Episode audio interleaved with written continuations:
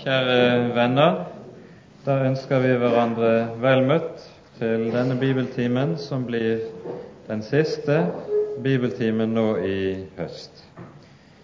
Vi eh, skal i dag ta for oss det sjette kapittelet i Hebreabrevet, og tanken er jo da å fortsette i vår med gjennomgangen av det samme brevet, sånn at når vi kommer til sommerferien, har vi da gått igjennom hele brevet fortløpende.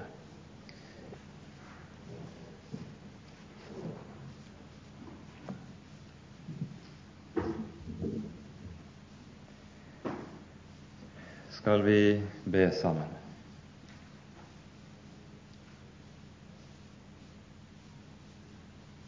Kjære gode Herre, trofaste og hellige Far. Vi takker og lover deg at du selv kaller oss sammen, at du selv søker å få oss i tale, at du selv, Herre, har lovet at du vil bo midt iblant oss, og at vi skal få lov til å kalles dine barn og ditt folk Takk du vår Herre, at du forbarmer deg over oss på ny og på ny. Og i din store trofasthet holder du fast på oss og lar din nåde være ny dag etter dag. Nå ber vi, Herre, at du vil sende din ånd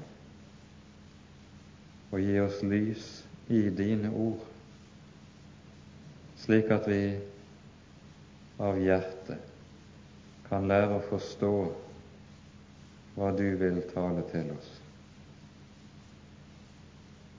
Herre, vær med min munn og med min tanke,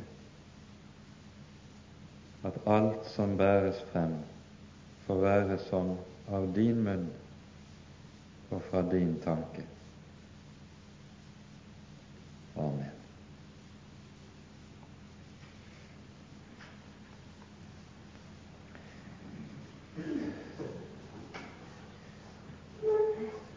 Her er plasser her foran, så bare kom inn. Når vi i dag begir oss inn i det sjette kapittelet her i Hebreabrevet, så vil vi se at det slutter seg umiddelbart til det foregående kapittel, der det var tale om det å vokse i kristen tro og erkjennelse. Og Jeg tror vi skal ta oss tid til å lese de par siste versene i det femte kapittelet uh, før vi hopper over i det sjette. Og vi leser da fra vers 11, som vi repeterer altså fra sist gang. Om dette har vi mye å si som også er vanskelig å utlegge, fordi dere er blitt sløve til å høre. For skjønt dere etter tiden burde være lærere, trenger dere igjen til at noen lærer dere de første grunnleggende ting i Guds ord. Dere er blitt slike som trenger til melk, ikke fast føde. For den som ennå får melk, er ukyndig i rettferdsord. Han er jo et barn. Men fast føde er for de voksne, for dem som ved bruken har øvet sine sanser opp til å skille mellom godt og ondt. La oss derfor gå forbi barnelærdommen om Kristus og gå videre mot det fullkomne, så vi ikke igjen legger grunnvollen med omvendelse fra døde gjerninger og tro på Gud, med lære om dåp og håndspåleggelse oppstandelse fra de døde og evig dom. Og det vil vi gjøre om Gud tillater det. For de som en gang er blitt opplyst, som har smakt den himmelske gave og har fått del i Den hellige ånd, og har smakt Guds gode ord og den kommende verdens krefter, og så faller fra, de kan umulig igjen fornyes til omvendelse, siden de på nytt korsfester Guds sønn for seg og gjør ham offentlig til spott for den jord som drikker regnet som ofte faller på den, og bærer grøde til gagn for den som den dyrkes for, får velsignelse fra Gud. Men bærer den torner og tistler, da er den unyttig og forbannelsen nær, og det ender med at den brennes. Men når det gjelder dere, våre kjære, så er vi overbevist om det som bedre er, og som hører til frelse, selv om vi taler slik. For Gud er ikke urettferdig, så Han skulle glemme det verk dere har gjort, og den kjærlighet dere har vist mot Hans navn, ved at dere har tjent de hellige og fortsatt gjør det. Men vi ønsker at hver og en av dere må vise den samme iver etter å ha den fulle visshet i håpet inntil enden, så dere ikke blir sløve, men følger etter dem som ved tro og tålmod arver løftene. For da Gud ga Abraham løftet, sverget han ved seg selv. Han hadde jo ingen større å sverge ved, og sa sannelig, jeg vil rikt velsigne deg og gjøre din ett tallrik. Og da han hadde ventet tålmodig, oppnådde han det som var lovt. Menneskene sverger jo ved det som er større, og eden er for dem en stadfestelse som gjør slutt på all motsigelse. Da Gud så ville vise løftets arvinger desto mer hvor urokkelig hans vilje er, innesto han for det med en ed, for at vi skulle ha en sterk trøst ved to urokkelige ting som utelukker at Gud kunne lyve, vi som har tatt vår tilflukt til å gripe det håp som ligger foran oss. Dette har vi som et anker for sjelen, et som er trygt og fast og når inn til det som er innenfor, bak forhenget, der Jesus gikk inn som forløper for oss. Han som ble ypperste prest til evig tid etter Melkisedeks vis. Amen.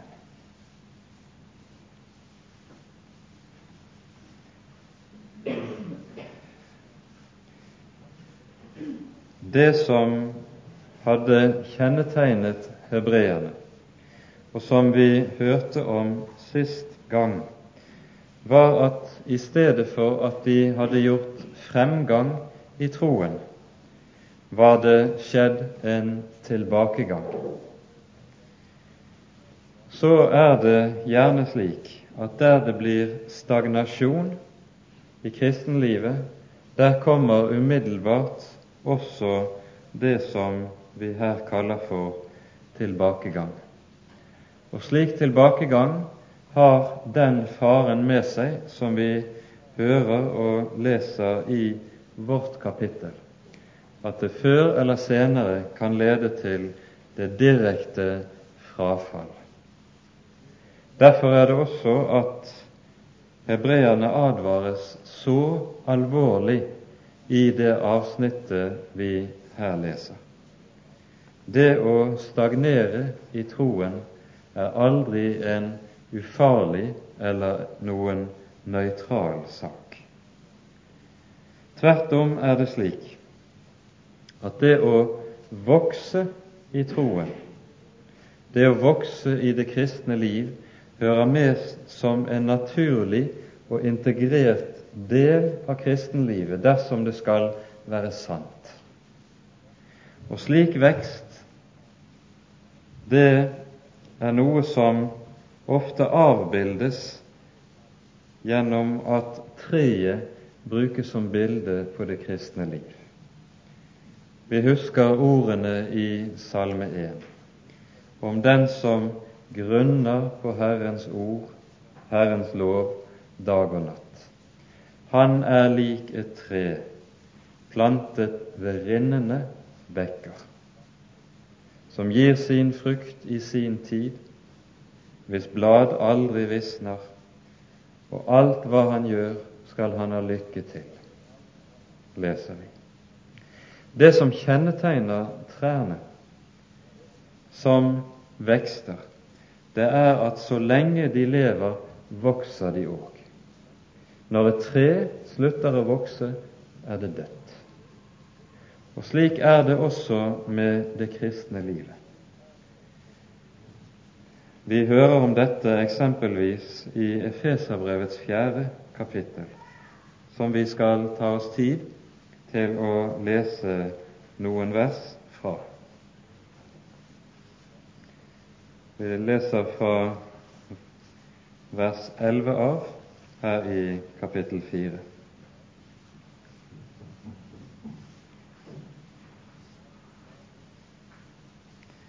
Her er det tale om Kristi himmelfart, og hvorledes Han i og med sin himmelfart ga sin menighet bestemte gaver som menigheten trengte for sitt liv, sin åndelige sunnhet og vekst. Og hva disse gavene er, hører vi. Vi leser Han er den som ga noen til apostler, noen til profeter, noen til evangelister, noen til hyrder og lærere, for at de hellige kunne bli gjort i stand til tjenestegjerning, til oppbyggelse av Kristi legeme, inntil vi alle når frem til enhet i tro på Guds sønn og i kjennskap til ham, til manns modenhet, til aldersmålet for Kristi fylde. Hva som kjennetegner denne åndelige modenhet, hører vi så i de følgende vers. For at vi ikke lenger skal være umyndige og la oss kaste og drive omkring av ethvert lærdomsvær ved menneskenes spill, ved kløktig villfarelsens listige knep. Sannheten tro i kjærlighet skal vi i alle måter vokse opp til Ham som er hodet, Kristus. Ved ham blir hele legemet sammenføyet og holdt sammen med hvert støttende bånd, alt etter den virksomhet som er tilmålt hver enkelt del. Og slik vokser det sin vekst som legeme til oppbyggelse i kjærligheten. Vi skal merke oss at her er det tale om to slags vekst. Både den individuelle vekst, den vekst som gjelder hver enkelt kristen i det han vokser i troen. Og denne vekst hører uløselig sammen med at også menigheten oppbygges. Menigheten vokser. Menigheten som fellesskap utvikler seg. Og Det som kjennetegner den vekst, er at det for det første er en vekst i enhet. Og for det andre er det en vekst i åndelig dømmekraft, som gjør at man ikke er fritt vilt for alle de lærdomsvill, vær og tanker som måtte dukke opp i tiden. For det tredje er det en vekst som der man sammen, som menighet betraktet, vokser opp til ham som er hodet. Stadig nærmere ham, knyttes stadig fastere til ham, blir stadig dypere avhengig av ham. For det som kjennetegner forholdet mellom hode og legeme, hva er det? Det er jo nettopp at legemet uten hode er hjelpeløst. Det dør. Og alt i legemet styres jo fra hodet. Det er ikke en bevegelse du gjør med armer eller ben, ikke noe du foretar deg som ikke har sin kilde i, springer ut fra hodet.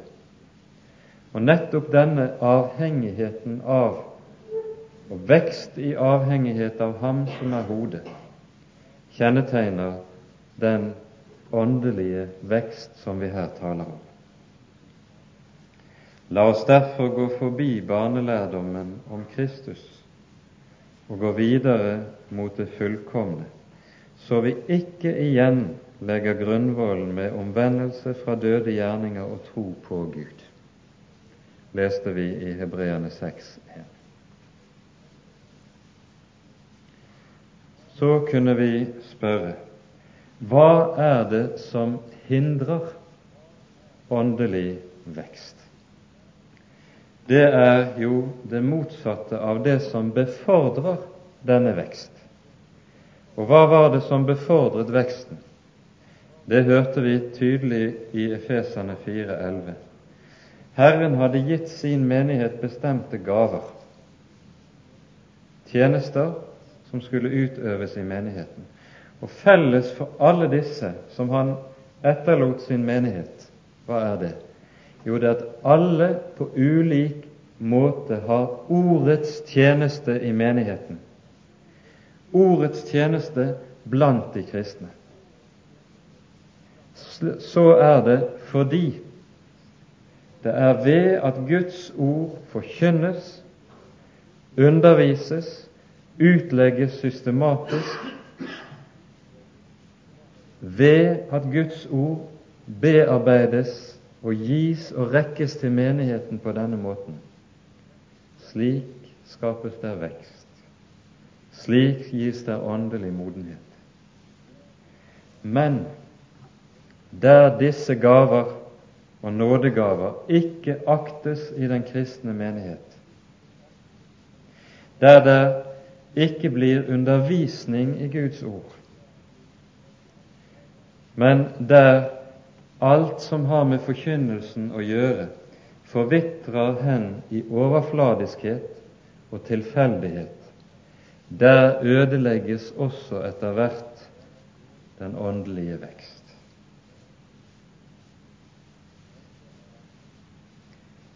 Og dette er noe som ikke er uaktuelt i våre dager.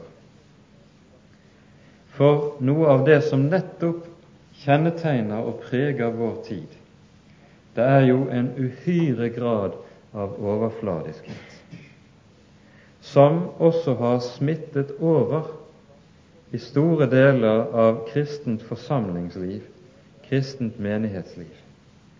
Og der får det gjerne det preg at all forkynnelse skal være mest, mest mulig populær, mest mulig lett, og helst ikke ha altfor stor tyngde i seg.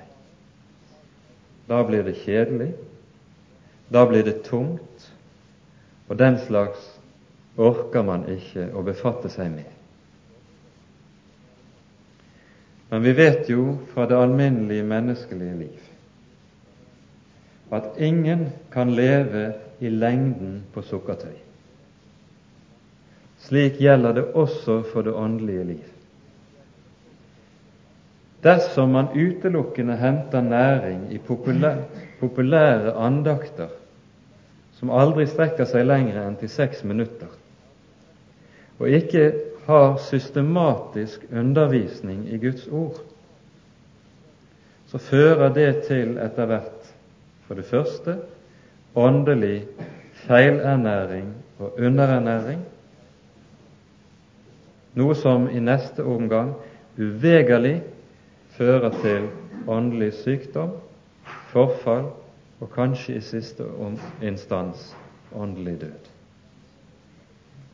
Ingen kan leve på åndelig sukkertøy. Der forkynnelsen slik blir overfladisk, fører det umiddelbart og uvegerlig også til at det kristne fellesskap blir overfladisk. Og dette er en veldig fare i våre egne dager. For vi ser på ny og på ny og i stadig sterkere grad at dessverre er dette det som preger svært meget menighetsarbeid. Man tenker som så at bare man gjør forkynnelsen lettest mulig, så vil mennesker komme og høre. Er det sant? Det som vel er sant, er at der forkynnelsen er lett, der rører den aldri hjertene. For der kan mennesker komme, de kan høre og forlate Guds hus igjen fullstendig uberørt. De hadde en hyggelig stund, men ikke en stund der de møtte Guds ord. Ikke en stund der de ble stilt ansikt til ansikt med den levende Gud. Og det er jo det som er forkynnelsens mål. At mennesker skal møte sin Herre og sin Gud gjennom det budskap som lyder. Og at derfor skal budskapet reelt også være et budskap fra Gud, ikke flinke predikanter som er ordkunstnere, og som av den grunn kan klø folk i ørene, men ikke ramme samvittigheten.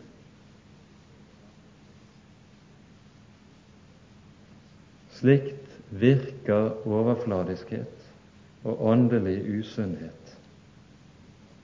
Dette er det Hebreabrevets forfatter tar tak i i denne sammenheng og advarer menigheten om.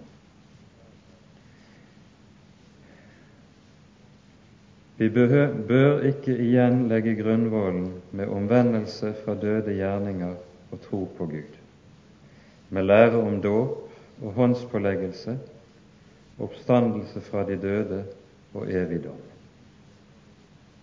Dette er grunnvollen med andre ord det som vi kan kalle for den elementære kristne undervisning. Den elementære undervisning som lød overfor uomvendte. Og vi møter tre ordpar som beskriver hvordan denne forkynnelse som lød overfor uomvendte, hvorledes den var. For det første det taler om omvendelse fra døde gjerninger og tro på Gud. Med til grunnvollen i den kristne forkynnelse var omvendelsesbudskapet. Når Jesu forkynnelse sammenfattes i evangeliene, så sammenfattes det alltid ved hjelp av to ord. Han sa 'omvend dere og tro evangeliet'. Og Når vi hører apostlenes forkynnelse utover gjennom apostelgjerningene, så vil dere se at dette er de to hovedbestanddeler i apostlenes forkynnelse også. Budskapet om omvendelse og tro på evangeliet. Der omvendelsesbudskapet ikke lyder, legges det ingen grunnvoll. Ingen grunnvoll for troen, ingen grunnvoll for nytt liv.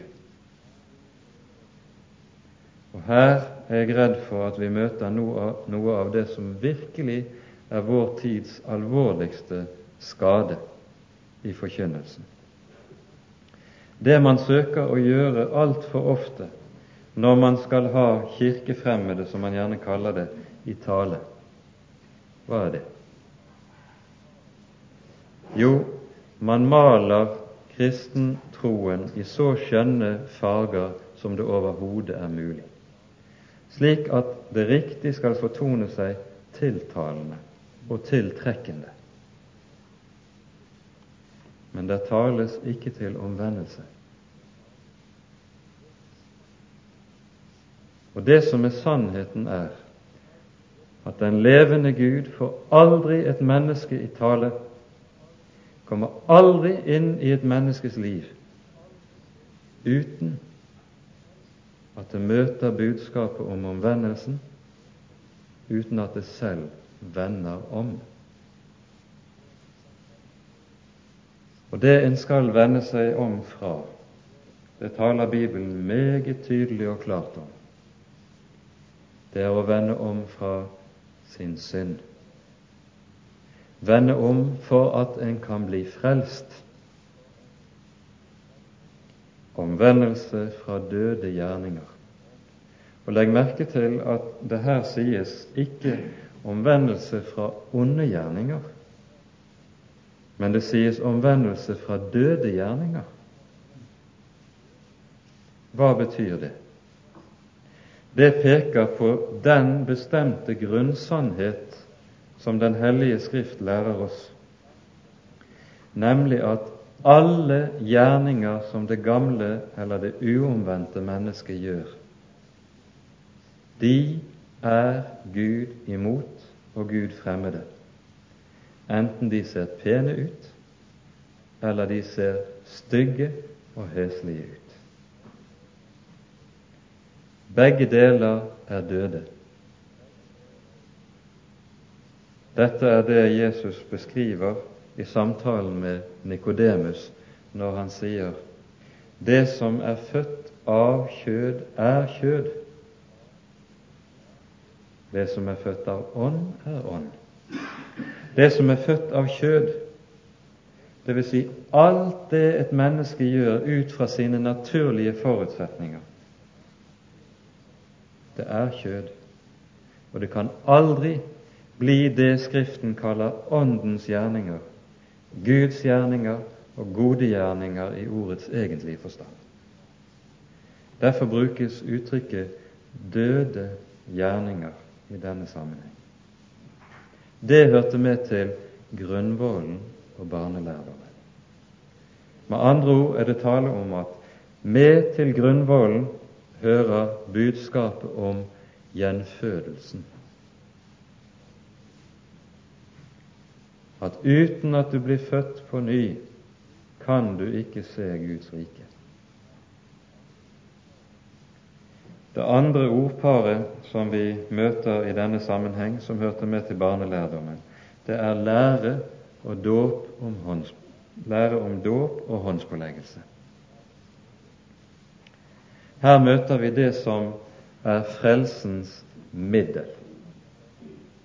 Når et menneske er omvendt og kommet til troen, så hører dåpen med som grunnleggende. Jesus sier jo 'Den som tror og blir døpt, skal bli frelst'.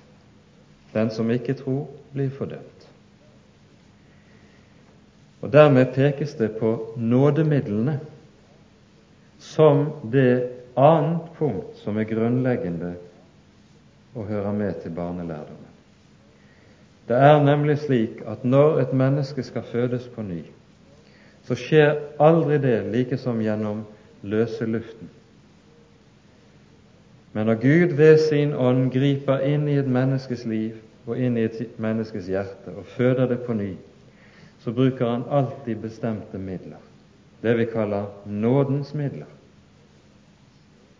Ordet, dåpen og nadværen er de tre nådens midler vi lærer om i Den hellige skrift.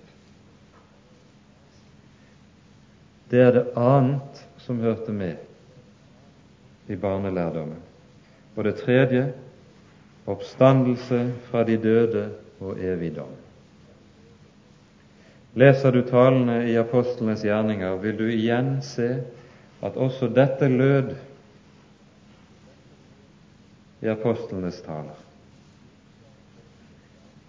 Budskapet om omvendelse ble motivert med at Gud har satt en mann, utpekt en mann, ved hvem han vil dømme verden. Og han har demonstrert dette for all verden gjennom å reise ham opp fra de døde. Hører vi Paulus tale på Areopagos i Aten.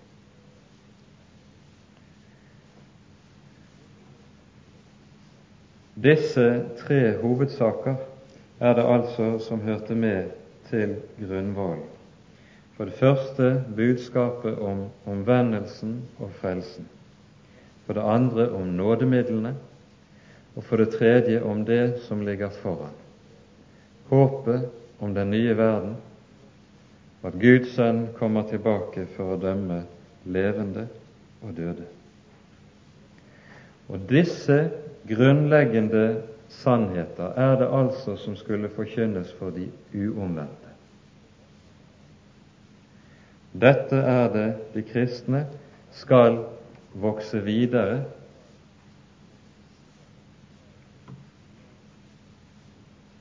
Og la oss understreke her at disse sannheter må også lyde til uomvendte mennesker i dag.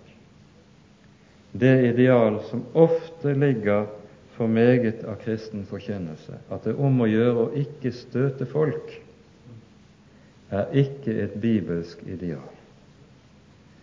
For når synderen møter budskapet om omvendelse, reagerer han som regel med selvforsvar og tar anstøt.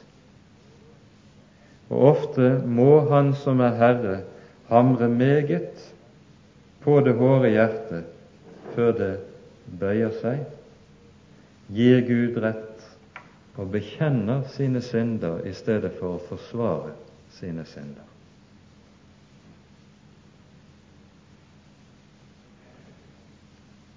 Så tales det altså om den kristne vekst. Hva er det den handler om? Den handler ikke om at en kristen skal vokse ut av og bort fra de grunnleggende sannheter.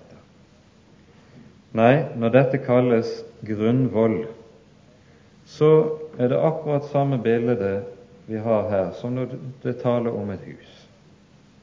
Huset bygges på grunnvollen, ikke utenfor grunnvollen eller et annet sted enn der grunnvollen er. For slik er det at det kristen vekst handler om og dreier seg om, det er å vokse dypere inn i sannheten. På en slik måte at man med lys i Guds ord og fra Guds ord stadig sterkere lærer å kjenne Herren. Gjennom å lære å kjenne Ordet, lære å kjenne sammenhengen i Guds ord. Ja, det handler om å kjenne Guds ord i sammenheng. Til dette trengs det målbevisst undervisning i Guds ord. Og det er nødvendig for Guds folk at så skal skje. Og Legg så merke til at det her i vers 3 sies til menigheten det vil vi gjøre om Gud tillater det. Om Gud tillater det.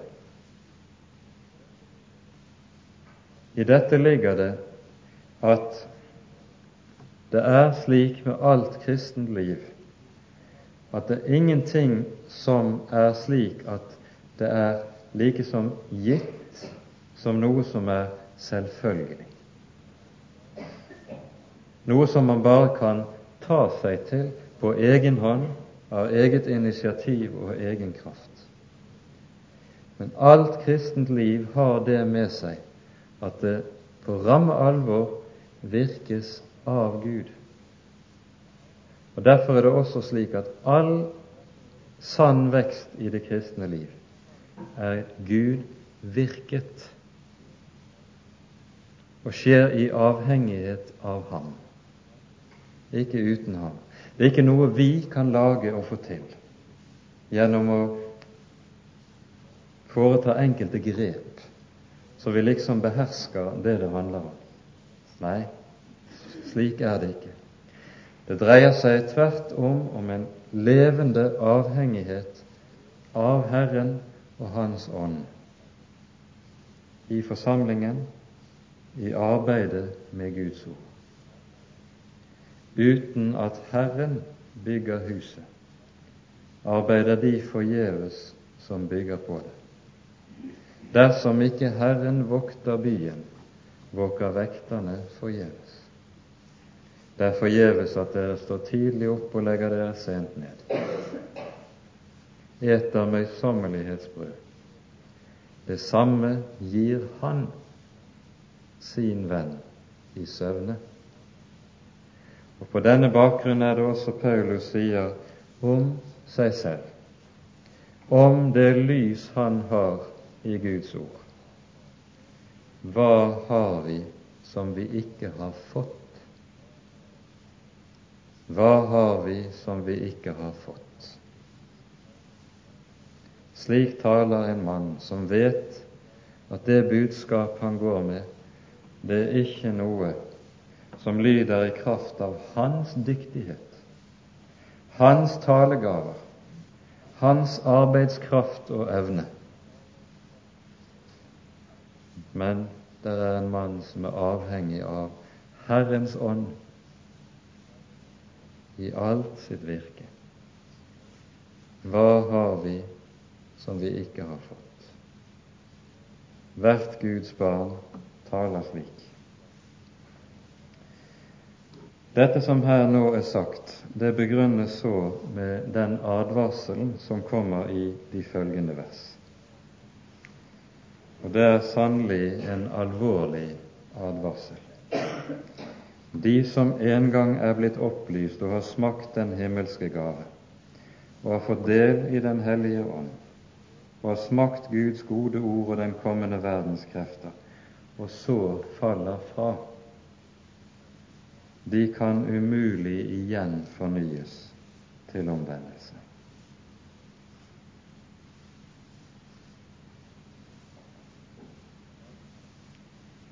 Frafall Alt frafall begynner med stagnasjon i det åndelige liv. Stagnasjon behøver ikke med nødvendighet å føre til frafall.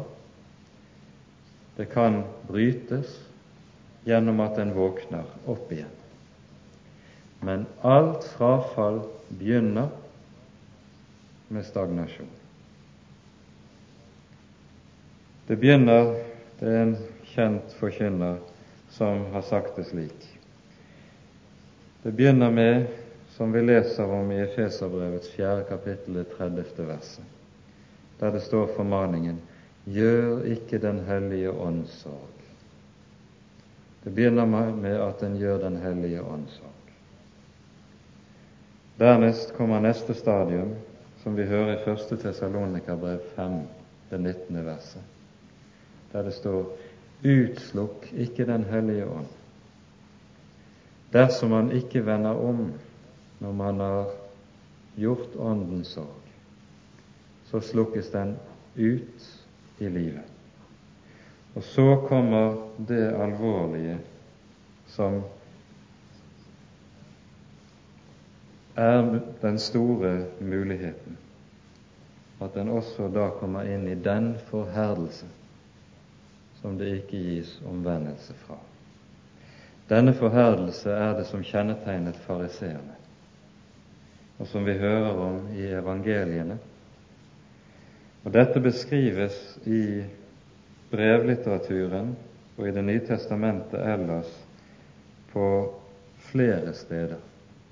I Romane 1 har vi et viktig avsnitt som vi vel kan stanse opp for litt her.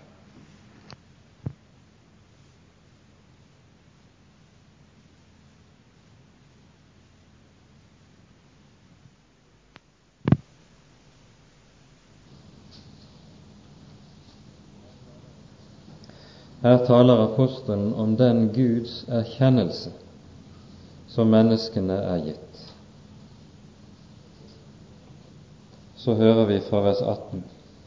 Guds vrede åpenbares fra himmelen over all ugudelighet og urettferdighet hos mennesker som holder sannheten nede i urettferdighet. Legg merke til det. Det sies ikke at Guds vrede åpenbares over all ugudelighet og urettferdighet. men det åpenbares hos slike som holder sannheten nede i urettferdighet. Altså slike som har lært sannheten å kjenne, og så avviser den. I stedet for å bøye seg for sannheten, bøyer de sannheten for seg selv. Det er altså mennesker som har fått lys fra Gud, og som i stedet for å ta vare på dette lys, avviser det og forkaster det. Da handler Gud på en ganske bestemt måte med slike mennesker. Jesus sier i Matteus 13 det slik:" Den som har, han skal gis. Den som ikke har, fra ham skal endog tas det han har. Den som ikke har, det er den som avviser lyset i Guds ord. Han skal også fratas videre dette lys. Og da lyder det tre ganger i det følgende her i Romane 1. Første gang i vers 24. Derfor overga Gud dem i deres hjertes lyster til urenhet, til å vanære sine legemer seg imellom.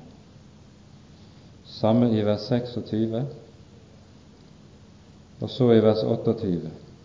Ettersom de ikke brydde seg om å eie Gud i kunnskap, overga Gud dem til et ugudelig sinn, så de gjør slikt som ikke sømmer seg. Og så listes det opp en lang katalog av synd.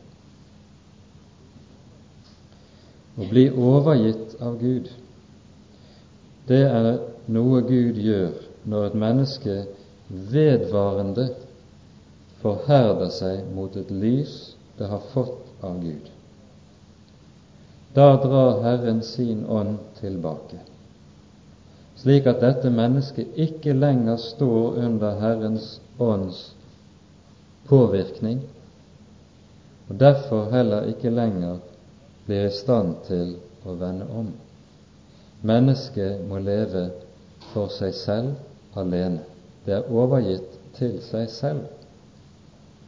Og det mennesket som slik er overgitt til seg selv, det er hjelpeløst i syndens vold. Dette vil subjektivt oppleves for den det gjelder, som at han får det akkurat som han vil i livet. Han får sin egen vilje, og kanskje han sågar også lykkes meget langt i å nå hva han har ønsket seg, de mål han har satt seg. Han er overlatt til seg selv. Et menneske som kommer i den stilling, er i kanskje den mest ulykkelige stilling et menneske kan komme i. Jesus taler også om dette. Det pekes på det i Johannesevangeliets tolvte kapittel, der det oppsummeres hvorledes Jesu virke hadde hvilken effekt Jesu virke hadde hatt i Israel. Og Så siteres det fra Jesajas sjette kapittel,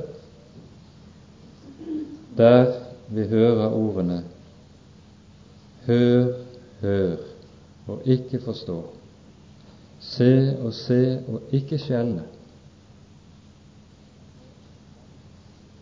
Når et menneske lenge nok frivillig og selvvalgt har forherdet seg mot Herren, Hans ånd, Hans ord og Hans nåde, så begynner Herren i sin tur å la den dom ramme dette mennesket, at Herren selv forherder det ytterligere. Da er det ingen vei tilbake. Slik taler Skriften, og det er en åndelig domsgjerning som Gud gjør i enkeltmenneskers liv, og av og til også i et helt folks liv. Dette skjedde med det gamle Israel. Det hører vi i Det gamle testamentet.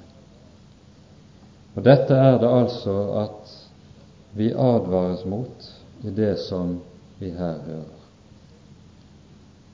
Og har fått lys i Guds ord, setter et menneske i en særstilling og gir et menneske et eget ansvar, som Jesus beskriver med ordene 'av den som er meget gitt, skal meget kreves'. Denne sannhet i Guds ord er tung, den er alvorlig, og samtidig den må få lov å stå der. For slik taler Herren selv. Når disse da faller fra, kan de umulig igjen fornyes til omvendelse, siden de på ny korsfester Guds sønn for seg og gjør ham offentlig til spott.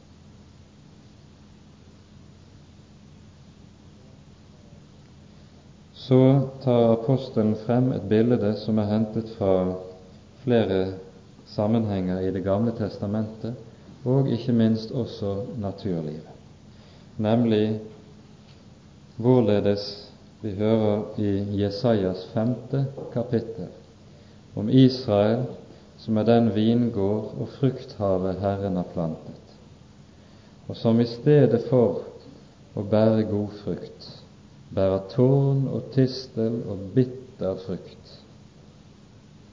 Og Herren spør, hva var det mer å gjøre for dem enn jeg har gjort. Herren hadde gjort alt som overhodet var mulig for å virke omvendelse, for å virke frukt, for å virke liv i dette folk. Og i stedet kommer det motsatte.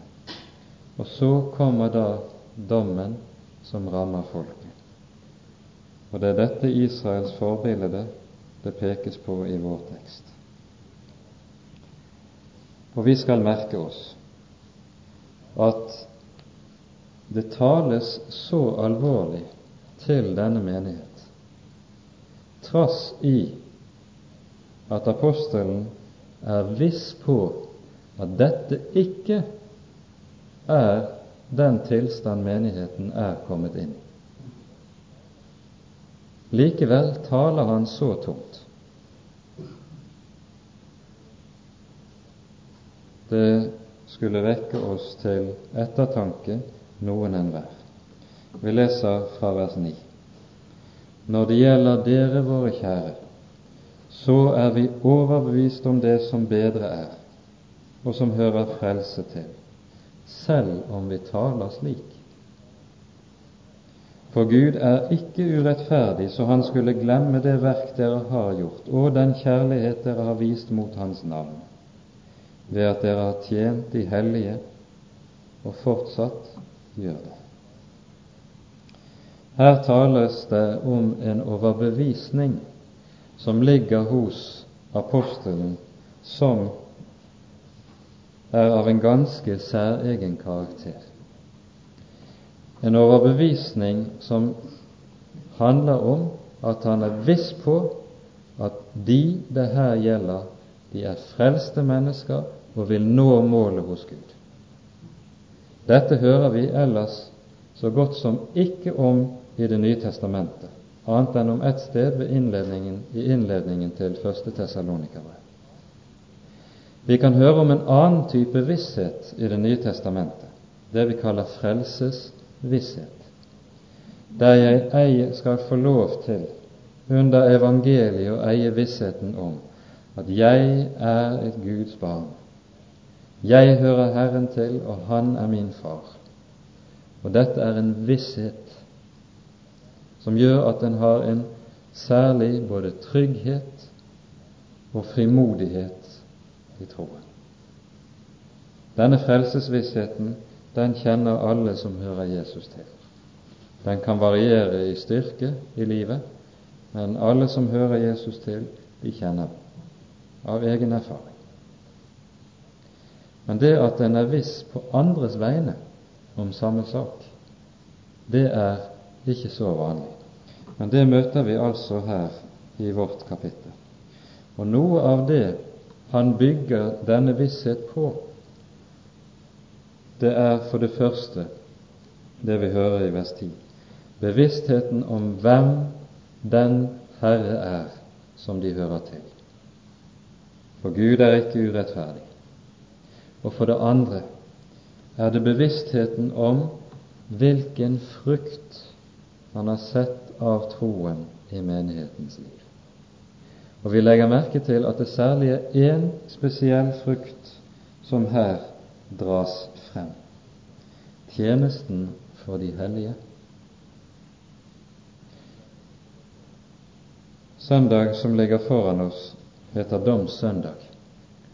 Og da er prekentekst Jesus store lignelse om sin gjenkomst til dom.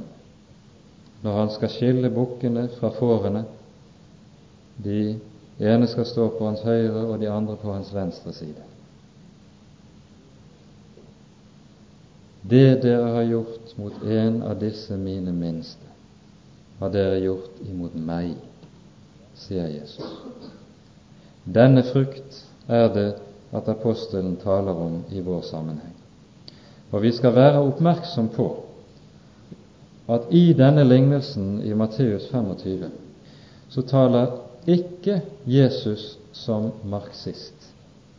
Han taler ikke om sosialetikk, slik man har lært å tenke under påvirkning fra sosialismen og marxismen i vårt århundre. At det er om å gjøre å være politisk engasjert for å fri de nødlidende og de undertrykte og slike ting. Intet ondt sagt om slikt arbeid. Men det er ikke det Jesus taler om i denne lignelsen. Det han taler om, er omsorgen for disse hans minste. Hvem det er, det hører vi i Matteusevangeliets tiende kapittel, der vi leser slik i det førtiende verset.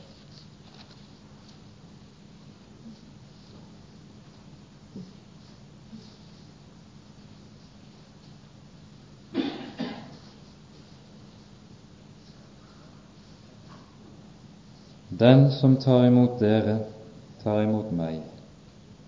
Og den som tar imot meg, tar imot Han som har sendt meg. Og så i vers 42.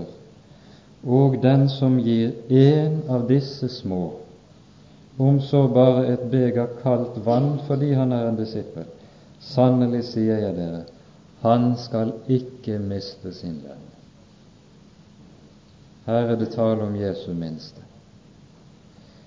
For vi skal merke oss at det som er troens første frukt, og Galaterbrevet taler om frukten, åndens frukt, så er det jo kjærligheten han nevner først.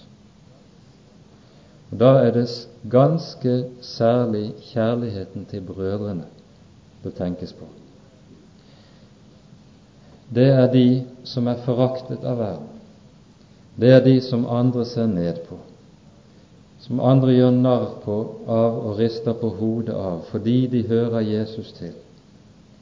De som ingen andre bryr seg om eller akter, de er det de troende har fått kjærlighet til, fått hjerte for,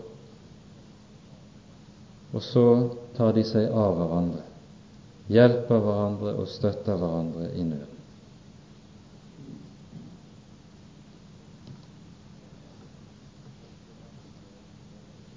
I første Johannes brev hører vi at det sies at dette er et troens virkelige kjennetegn. Vi vet at vi er gått over fra døden til livet fordi vi elsker brødrene, sier apostelen. Dette kjennetegnet er altså så grunnleggende at det kan sies at her er det et sant Guds liv dersom du ser kjærligheten til Herrens minste. Dersom du møter kristne som ikke har kjærlighet og hjerte for Herrens minste, ikke bryr seg om samfunn og fellesskap med de troende, da er det all grunn til å stille spørsmålet er det rett fatt med dette kristne For der den frukt mangler, der mangler noe aldeles grunnleggende.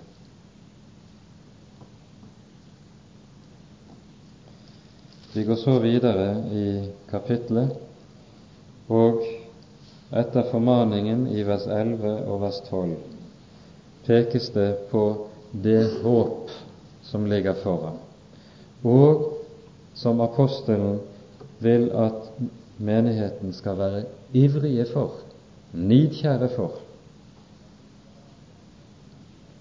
Da Gud ga Abraham løftet, sverget han jo ved seg selv.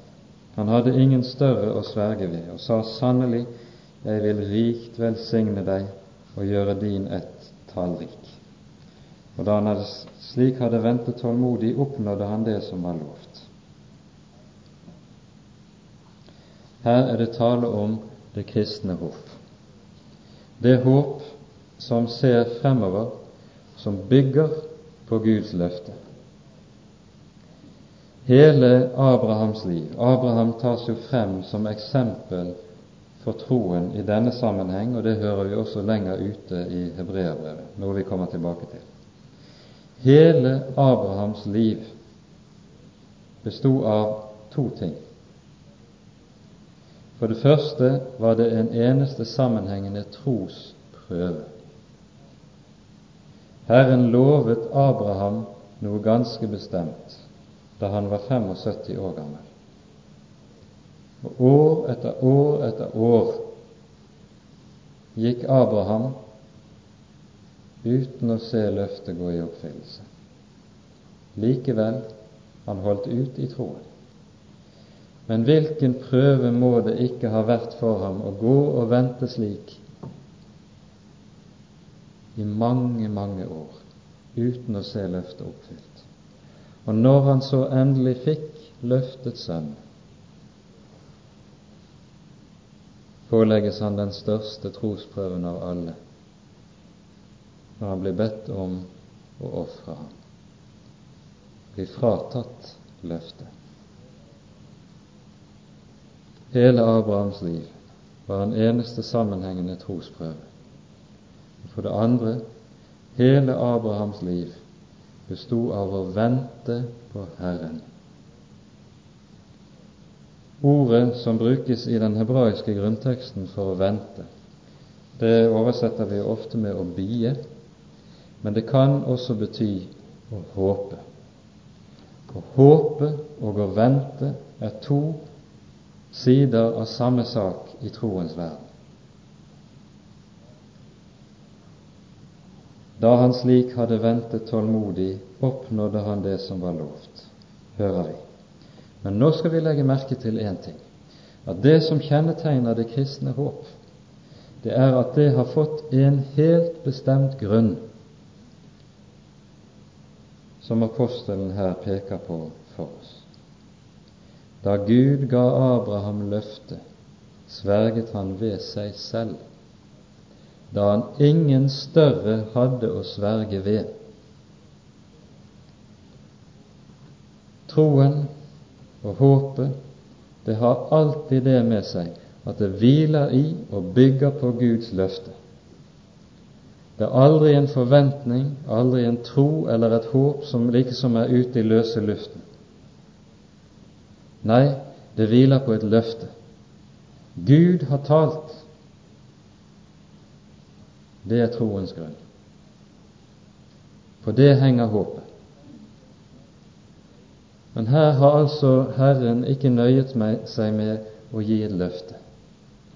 I tillegg til at Han har gitt dette løftet, har Han villet sverge med en høytidelig ed Ved meg selv sverger jeg, sier Herren, sannelig, jeg vil rikt velsigne deg og gjøre din ett såre tallrik. Hvorfor taler Gud slik? Det hører vi i vers 16 og 17. Mennesker sverger jo ved dem som er større, og eden er for dem en stadfestelse som gjør slutt på all motsigelse.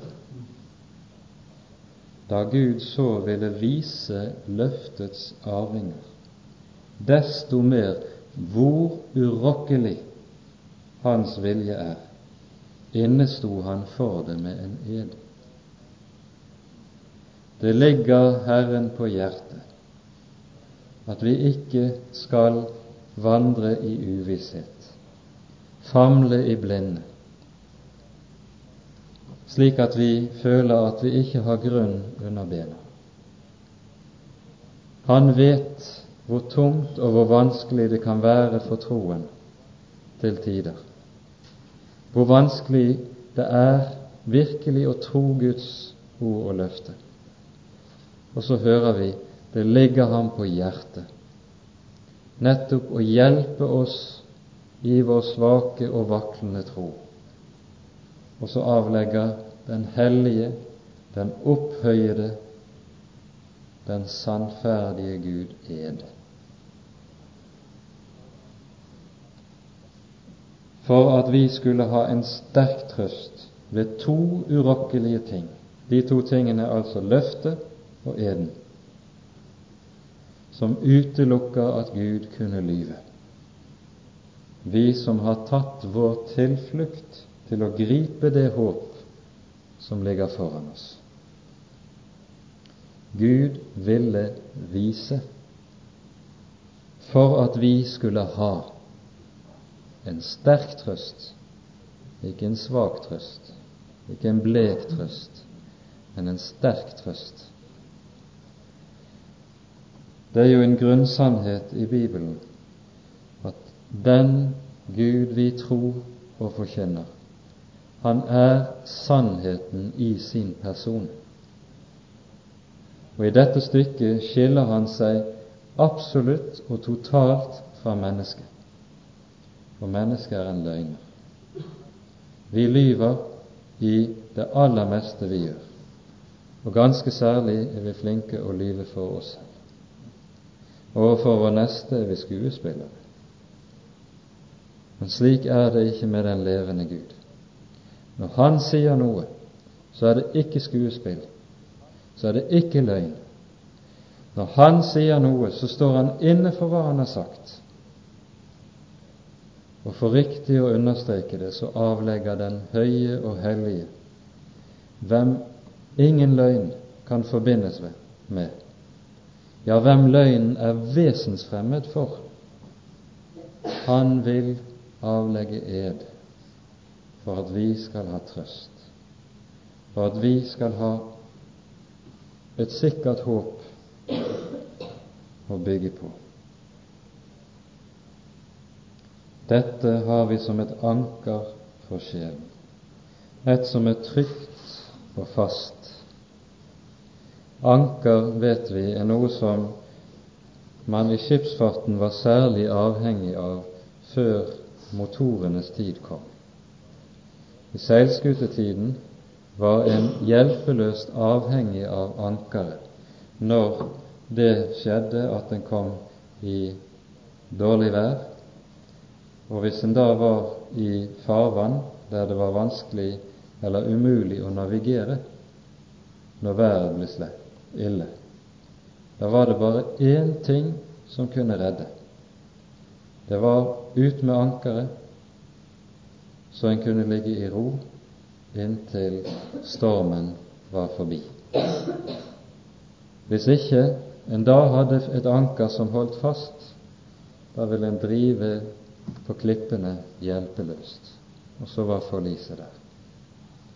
Nettopp et slikt anker som holder i stormen, er det Han som er Herre, har villet gi. Gi den svake og vaklende tro. Gi for at vi skal kunne ha det å holde oss til som ikke svikter, som ikke vakler, men som står der og er en klippegrunn under troen. Dette anker går inn innenfor bak forhenget, der Jesus gikk inn som forløper for oss, han som ble ypperste prest til evig tid etter Melkisedeks vis.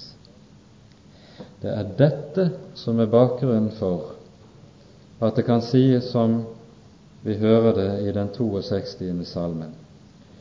Bare i håp til Gud er mitt hjerte stille.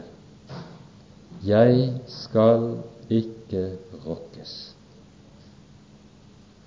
Når jeg ikke rokkes, er det ikke fordi jeg er stødig. Det er jeg ikke. Ikke fordi jeg klarer å holde fast. Det klarer jeg ikke. Men fordi jeg har et anker festes hos Han som er sandru, og som står inne for hva Han har sagt med sitt eget liv og med sitt eget blod. Det er jo det kapittelet avslutter med, når det taler om ypperste presten som gikk gjennom himlene og inn bak forhenget. Da rokkes du ikke av noe i livet. Bare i håp til Gud er mitt hjerte stille. Jeg skal ikke rokkes. Amen.